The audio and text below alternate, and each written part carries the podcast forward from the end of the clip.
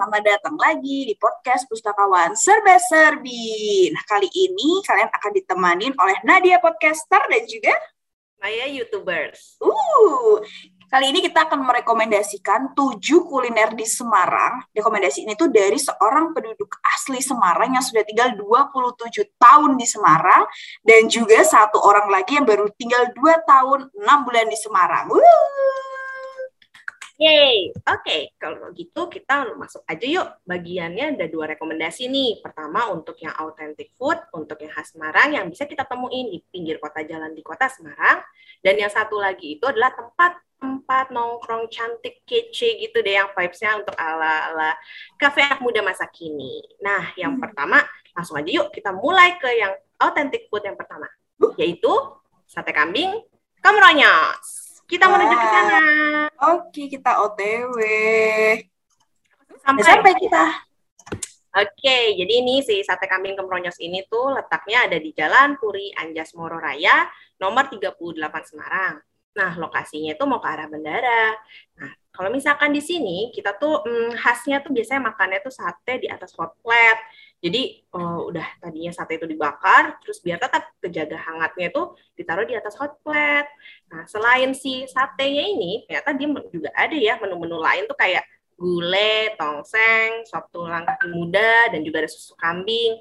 Kalau aku pribadi sih, aku sukanya tuh yang sop tulang kambing mudanya itu. Kalau kalian suka yang mana, nanti coba ya. Nah, terus kalau misalkan kita bisa ngasih tips tuh kalau mau ke sana tuh uh, kalau bisa jangan jam makan siang deh. Soalnya kan suka rame tuh karena tempatnya juga agak kecil nanti biasanya suka nggak dapetan tempat. Kan jadi kan sayang ya udah buang-buang bensin jalan ke sana terus ternyata habis.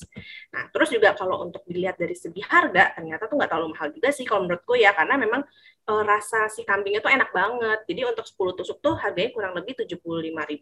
Terus kalau kayak sop tulang dan si tongsengnya itu sekitar 35.000. Jadi mupeng kan? Oh, banget. Terus kita mau ke mana lagi ya? Nah, tadi kan kita udah yang kolesterol-kolesterol gitu.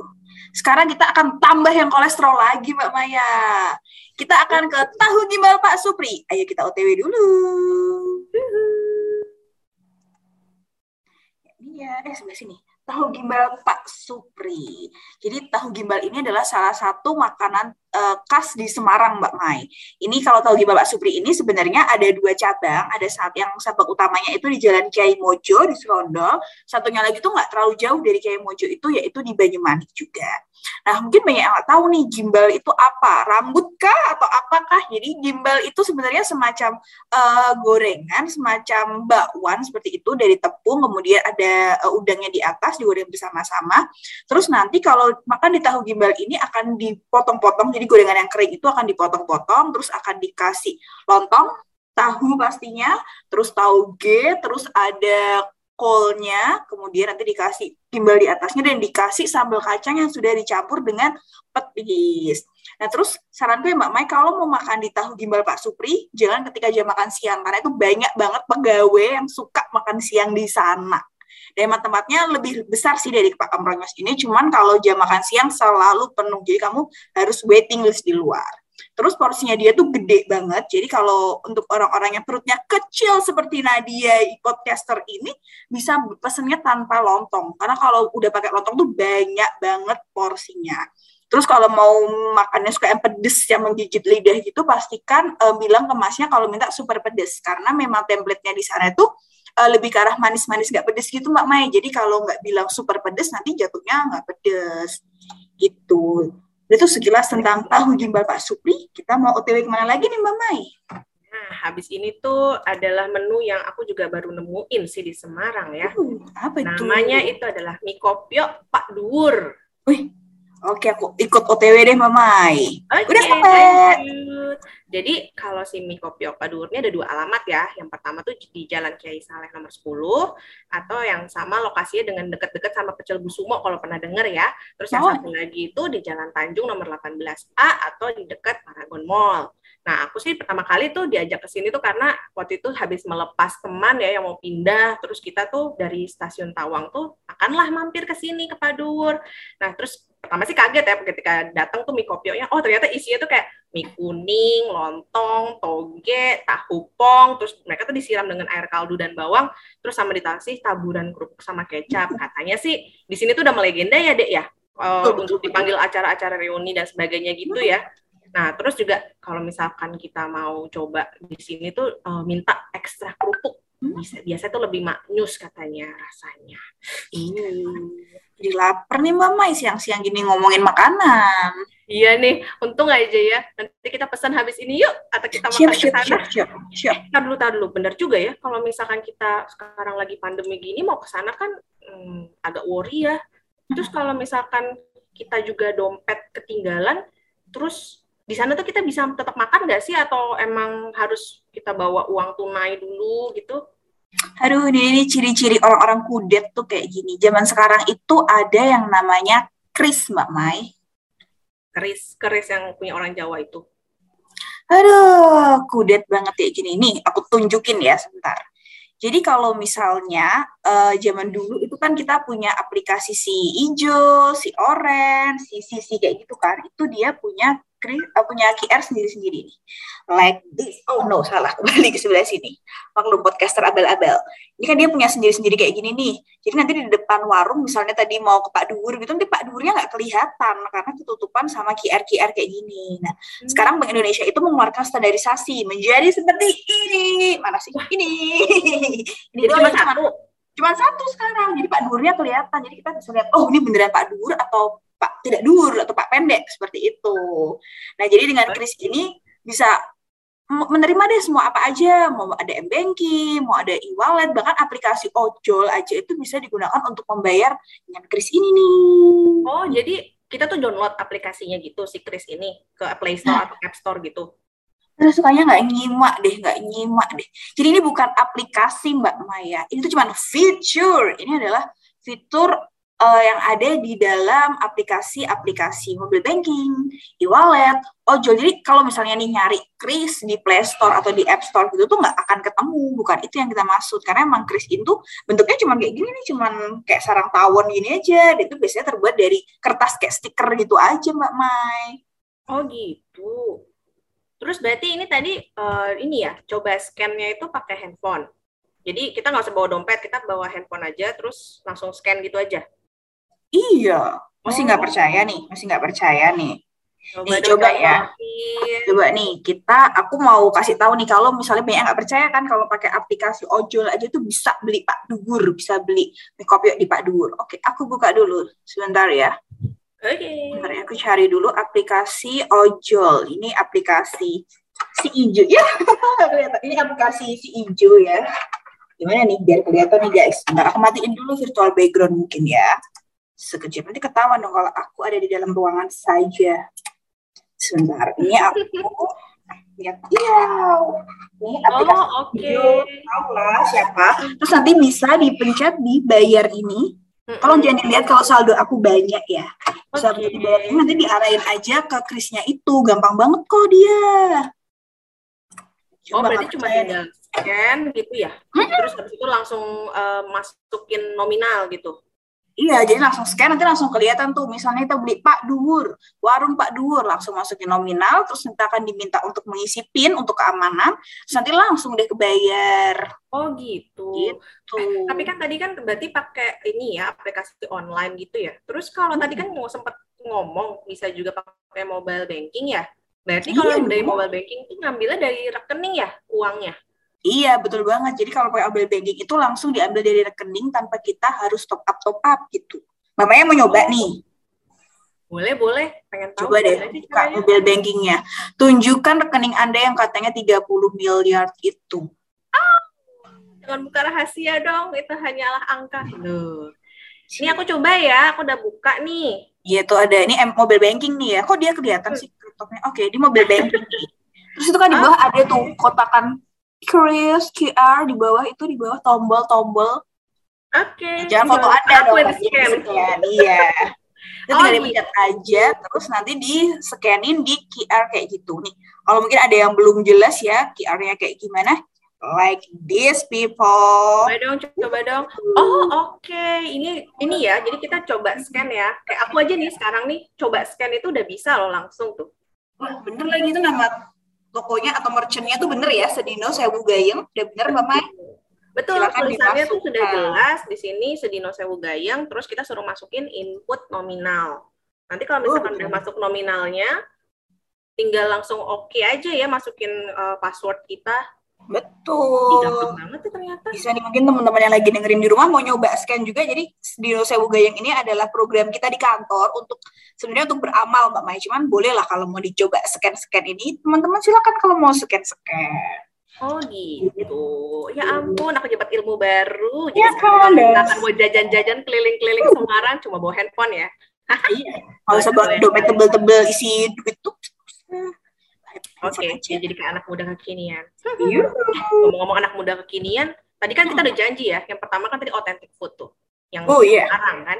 Nah, terus tadi kan kita janji yang kedua tuh kayak tempat untuk nongki-nongki kafe. Oh lala, favorit kita. Sebagai anak lama di Semarang pasti tahu dong rekomendasinya tuh ke mana. Hmm, ngomong-ngomong tentang anak lama di Semarang, ini sekarang agak berhubungan sih dengan yang lama-lama gitu, yaitu di kota lama. Jadi Kota Lama Semarang itu sekarang udah keren banget. Kalau malam-malam tuh kita bisa jalan-jalan like strolling in the street like that, kayak gitu. Kita bisa jalan-jalan kayak gitu. Terus di sana banyak tempat makan yang enak. Ini kita uh, sebenarnya ada beberapa rekomendasi, cuman aku akan tunjukin satu. Kita OTW dulu ke Kota Lama. Uh. Jadi ini itu adalah namanya uh, Spiegel Bar and Bistro. Jadi ini gedungnya kayak gini tampak luarnya nggak kayak di Indonesia kan ini karena memang dia bangunan sejak zaman Belanda. Jadi ini sudah berdiri sejak tahun 1895. Kita belum lahir, kita belum lahir tempat gaul ini sudah ada gitu. Jadi kalau dulu di taman uh, di zaman kolonial itu bangunan ini tuh jadi semacam tau serba kayak gitu. Namanya agak susah nih. Namanya adalah Toko Envy Winkel Mas Chapil H. Spiegel bikin uh, agak Cleo gitu. Kayak orang Belanda gitu ya. Iya, jadi ini Mr. Spiegel ini di sini menjual berbagai macam uh, pakaian, terus dekorasi-dekorasi rumah gitu. Jadi tempat tempat gaul mungkin ya zaman dulu. Nah, di dalam itu interiornya itu sekarang kan dulu sempat terbengkalai, sekarang menjadi seperti ini dipugar tapi tetap tidak meninggalkan arsitektur aslinya. Jadi benar-benar pintu lengkung-lengkung, kemudian ada tiang pilar-pilarnya kayak gini tuh masih asli. Nah, Spiegel ini juga salah satu kafe yang pertama kali ada di kota lama ini sebelum kota lama se-hype ini dia udah ada dan dia menjualnya itu menunya sekitar western food dan juga ngopi. Jadi kalau sore-sore ngopi itu bisa nih kita uh, di jendela-jendela yang ini nih duduk-duduk di situ sambil ngegalau kayak gitu. Terus masih di kota lama masih ada yang namanya uh, marabunta. Jadi marabunta itu adalah sama sebenarnya dia gedung juga yang terbengkalai uh, terus kemudian sekarang dirombak jadi kalau makan di sana tuh rasanya kayak lagi fine dining di New York like that kayak gitu. Terus ada juga gelato Matteo. Ini pasti udah pernah nyoba nih gelato Matteo ini. Gelato yang memang dibikin oleh orang Italia yang memang sudah bermukim di Semarang gitu. Dan tips aku kalau misalnya mau ke gelato Matteo, jangan lupa ambil toppingnya banyak karena toppingnya itu gratis tis gretong. Bisa numpuk gitu dong berarti toppingnya. Bisa, jadi beli esnya dua scoop aja, toppingnya segini gitu kan. Agak tidak rugi saudara-saudara. Seperti betul, itu. Betul, Ini dari di kota lama, kita next yang agak-agak modern gitulah Mbak Mai. Uh, ke mana nih? Uh. Coba yuk kita main ke Monty Dining. Uh, di gunung dong berarti Monty. Oh iya dong, tentu saja. Kita meluncur ke sana. Keren banget, modern banget ya ini Mbak Mai. Lihat deh dari bentuk arsitekturnya aja nih uh, kayak udah vibe vibe kafe-kafe masa kini gitu kan. Nah, jadi ini tuh lokasinya tuh di Jalan Tampomas nomor satu, tepatnya tuh di sebelah Rumah Sakit Umum William Booth. Nah, hmm. pertama kali tuh aku ke sana tuh susah banget nyarinya karena uh, apa ya, mereka tuh agak patah gitu beloknya terus habis itu naik ke atas karena memang si kafe ini kan letaknya di bukit ya. Jadi memang harus uh, agak perjuangan naiknya ke atas. Tapi begitu kita udah sampai atas tuh kita uh disuguhkan oleh sudut pandang melihat kota Semarang yang berbeda Gitu deh, keren. Nah, kalau misalkan masuk ke sini tuh nanti ada dua lantai ceritanya tuh si eksterior sama interiornya. Yang di pertama itu selain kafe itu juga bisa kita uh, pesan kopi, terus ada gelato juga selain hmm. di hidangan makanan utamanya itu. Nah, kalau misalkan di lantai dua tuh bisa lah vibes-nya tuh kayak semi-semi uh, aunte apa romantic gitu deh. Karena kan hmm. mereka ada view outdoornya juga keren. Nah terus di menu-menunya tuh juga ada kayak Asian food ada Western terus tentu aja tuh tadi yang si kopi sama gelatonya juga ada di situ. Nah harganya juga nggak terlalu mahal-mahal banget sih kalau menurut aku ya karena bisa mulai dari harga dua puluh lima ribuan terus kalau misalkan emang yang mau lebih agak uh, mahal gitu ada ya 200 ribuan juga. Jadi berbagai menu itu bisa didapat sih di sini. Pokoknya aku pernah makan di sana tuh enak deh apalagi kalau misalnya datangnya tuh kayak malam-malam. Jadi oh. kita bisa ngelihat view kota Semarang tuh kayak gimana sih ada lampu-lampu gitu kan romantis. Bener-bener oh, asal asal ke sananya jangan sendirian aja mbak. Ya, oh, kasihan jomblo-jomblo itu. Gak boleh gitu deh. Oke kita lanjut next sebelum jomblo-jomblo itu semakin galau, kita akan naik sedikit. Jadi Mbak Maya, kota Semarang itu memang salah satu kota, salah satu di antara sedikit kota di Indonesia yang punya daerah bawah dan daerah atas. Karena daerahnya tuh perbukitan. Makanya kita bisa melihat view-nya itu kalau daerah atas oke-oke nih itu. Nah, kita akan menuju naik sedikit nih dari Monty Dining, naik sedikit ke Gombel, ke daerah Gombel. Itu ada yang namanya ideologis. Gimana nih? Ini dia tampak depannya ini. Enak banget. Uh, ini oke okay banget. Jadi ada di sebelah kiri jalan kalau di tanjakan Gombel naik itu sebelah kiri jalan dekat exit exit tol Jatingaleh juga. Ini tampak depannya. Terus yang seru itu dalamnya dia penuh dengan jendela-jendela kayak gini nih. Jendela-jendela gede ini, terus yang ada yang modelnya ala-ala meeting room tapi jendelanya gede kayak gini. Nah, ini yang uniknya Mbak Maya di situ kalau misalnya datang sebelum gelap itu kita bisa lihat daerah Semarang bawah dan di sananya itu ada laut. Jadi mungkin yang agak nggak kelihatan ya di kamera, tapi biasanya di atasnya sini itu akan kelihatan laut. Ada kapal-kapalnya yang lagi terbang, lagi terbang. Dan biasanya di atas. Nah dia di atas, benar-benar tahu kan lihat kapal itu ada di atas lebih tinggi dari daratan karena memang bumi itu bulat ya teman-teman. Nah gitu. Terus yang unik lagi di sini makanannya itu uh, kayak di kantin-kantin luar negeri gitu Mbak Maya. Jadi kita datang, kita bawa tray, kita bawa nampan, terus nanti ada sudah dijajar-jajarin itu, kita mau apa, kita tinggal tunjuk-tunjuk kayak touch screen gitu, tapi dia beli mbaknya kayak Mbak mau daging yang ini, nanti diambilin gitu. Jadi jauh-jauh ke luar negeri ya? Nggak usah lah, di sini juga bisa. Terus yang seru itu di sana makanannya tuh murah-murah, kayak uh, mungkin berkisar ya antara 15 ribuan per uh, per lauk gitu. tapi sekali satu porsi lauk itu banyak banget. Dan kita bisa minta mbak minta yang ini sayurnya minta yang ini kayak gitu gitu terus di sana aku rekomendasiin untuk datangnya itu kalau aku ya kalau aku itu suka ketika brunch. Jadi ketika mataharinya belum terlalu panas dan masih ada matahari jadi bisa lihat laut ini gitu. Karena ketika datangnya malam itu pemandangannya akan totally different. Dia akan pemandangannya lebih ke lampu-lampu kecil-kecil lampu kota kayak gitu mbak Mai. Jadi jangan takut ke sini kalian mau datang siang mau datang malam pemandangannya beda guys. Jadi uh. akan tetap bagus ya worth it ya. Mau pagi mau siang mau malam semuanya beda semua. Of course. Terus kita next. Next kita lagi di mana? nih kita turun sedikit lagi ke yang namanya kedai kopi Oma. Wow, omanya siapa nih? Gedenya keren banget nih. Mau ditanya omanya siapa, jangan tanya sama anak yang baru dua tahun di sini ya. Aku oh, Aku coba tahu pokoknya ini letaknya tuh di Jalan Rinjani nomor 21. Emang kalau misalkan dilihat sih memang nggak di pinggir jalan besar ya. Jadi dia tuh agak kayak masuk ke gang gitu, kayak lokasi-lokasi kafe di Bandung gitu deh yang agak-agak masuk-masuk ke dalam gitu. Nah, terus si bangunan resto ini tuh menurutku tuh enak banget tuh untuk kongko tuh bareng sama temen maupun sama keluarga karena rasanya tuh kayak homey aja sih nggak tahu kalau aku ke sana tuh kayak ayo kita coba ke sana ya tuh kayak rasanya tuh homey gitu jadi uh, ngelihat menu-menunya tuh pun juga macam-macam. Uh, ada yang mulai kayak nasi goreng, tapi ada juga steak. Jadi mulai dari tradisional sampai western tuh semuanya ada. Nah, terus uniknya nih, ada signature-nya tuh apa tahu nggak? Olahan dari tolak angin.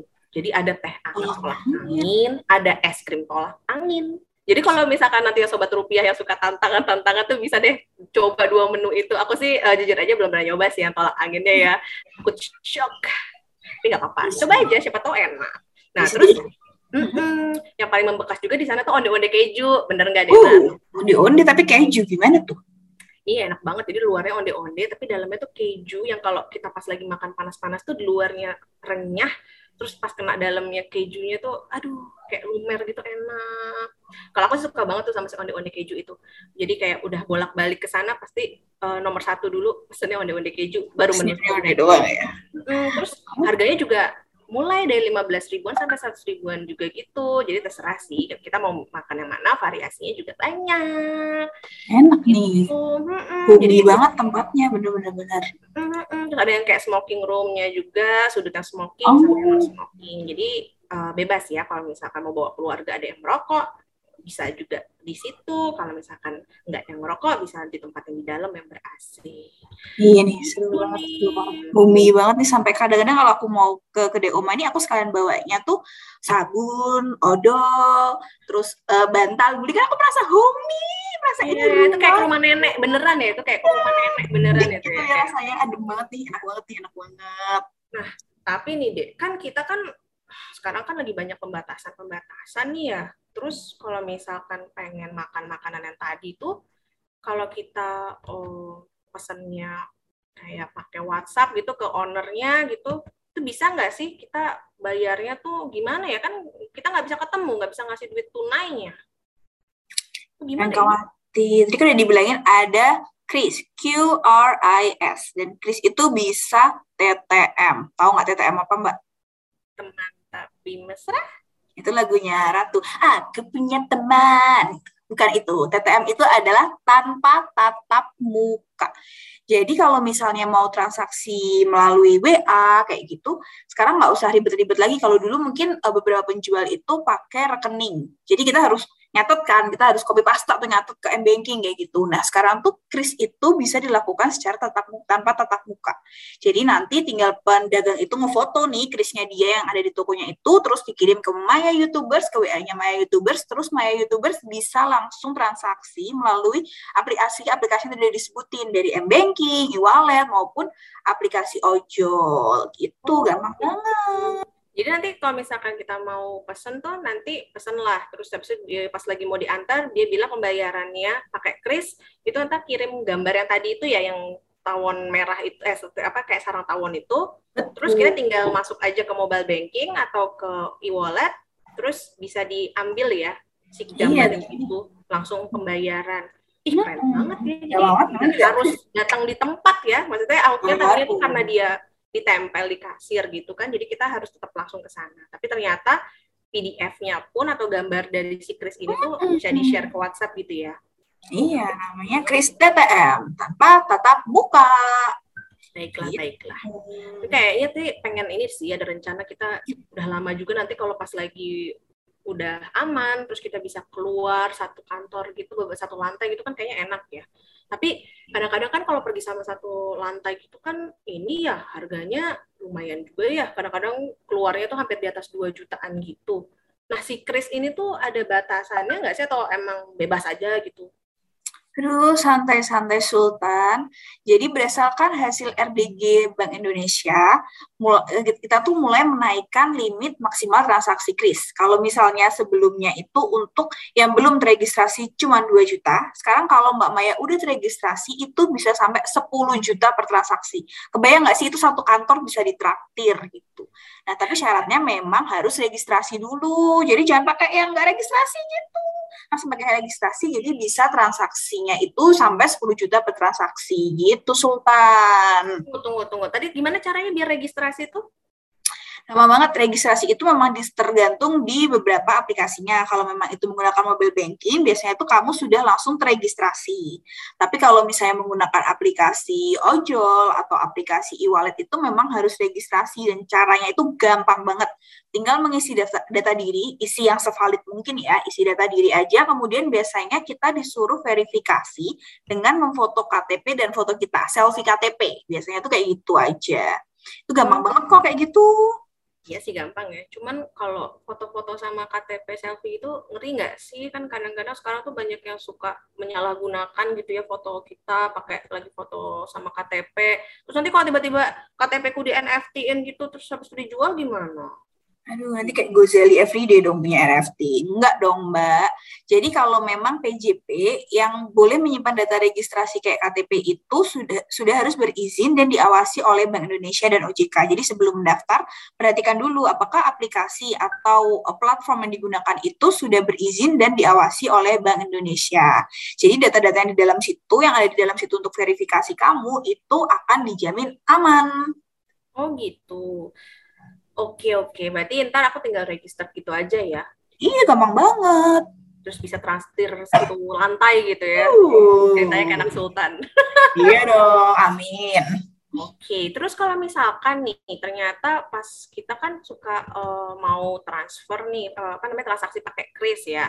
Nah, terus biar kita tahu kris yang kita gunain itu asli atau enggak sih punya si pemilik atau si penjual itu tuh gimana ya? Takutnya ntar aku mau transaksi ke Pak Duwur tadi tiba-tiba masuknya ke Nadia lagi kan salah tuh?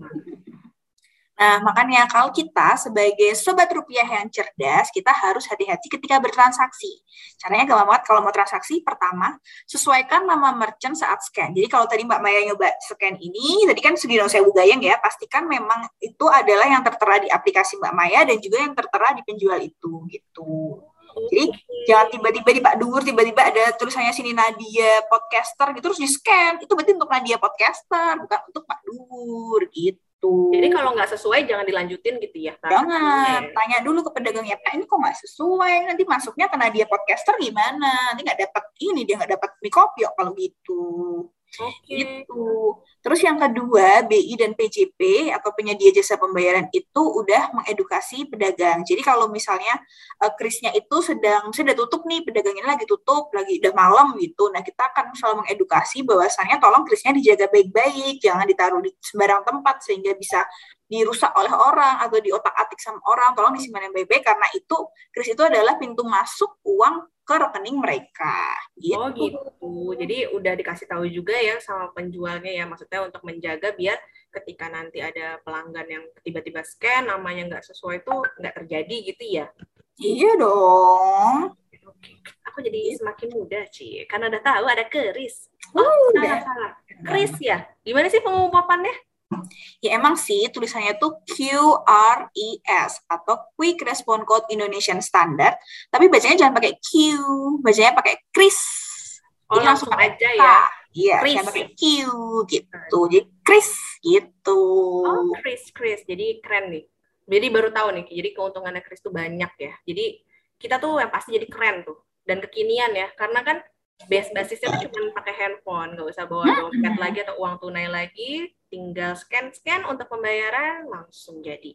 Terus iya. juga cepet ya karena kita cuma masukin nominal, masukin password, terus selesai gitu ya. Kalau dulu kan mungkin kita harus ngeluarin uang tunai, terus habis itu pas lagi nggak ada uang pas juga, terus habis itu juga si penjualnya bingung nggak ada kembaliannya terus disuruh diiklasin gitu kan. Ini udah nggak ada ya udah diiklasin aja gitu kan ya. Iya benar. Lagi pandemi gini kita terima uh, uang kembalian tuh kadang-kadang langsung semprot semprot semprot semprot semprot itu boros hand sanitizer dong. Kalau pakai kris ini kan memang yang kita gunakan bertransaksi itu hanyalah HP kita. Jadi HP kita aja yang kepegang sama tangan kita gitu. Lebih aman ya. Iya. Terus kalau kayak gitu juga transaksi kan tercatat semua ya deh ya? Maksudnya di dalam dalam oh, tadi aplikasinya itu kita bisa lihat ya kita transaksi di mana aja, besarnya berapa gitu kan ya. Bisa dan ini enak banget untuk yang ini yang suka nalangin makan siang.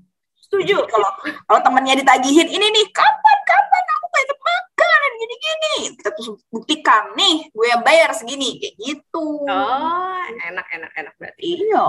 Keren keren keren keren keren. Terus kalau misalkan oh kita sekarang nih kan tadi kan udah nih ya ke tempat makan ya yang otentik maupun yang modern yang ala-ala kafe. Terus sebenarnya si Kris ini tuh hmm, bisa digunain di mana lagi sih atau emang cuma untuk di kafe, resto gitu-gitu? Hmm, ya enggak dong. Kris ini bisa dipakai di berbagai jenis transaksi. Mau transaksi mm, mm, mm, atau mau tahu gimana? Apa itu? Am, nah, kalau untuk itu kita harus tunggu podcast kita selanjutnya. Tidak, jadi aku nggak bisa tahu sekarang dong, harus nungguin podcast berikutnya dong. Nggak bisa dong kalau misalnya semua diomongin sekarang, bisa kita ngomong apa? Susah. Susah. Bener ya? kehabisan topik ya.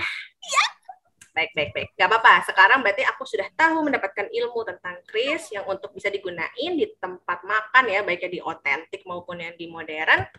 Terus nanti kalau ada podcast berikutnya, hmm, boleh ya nanti dikasih tahu lagi ya, Dek. Bisa di mana lagi? Masih banyak banget.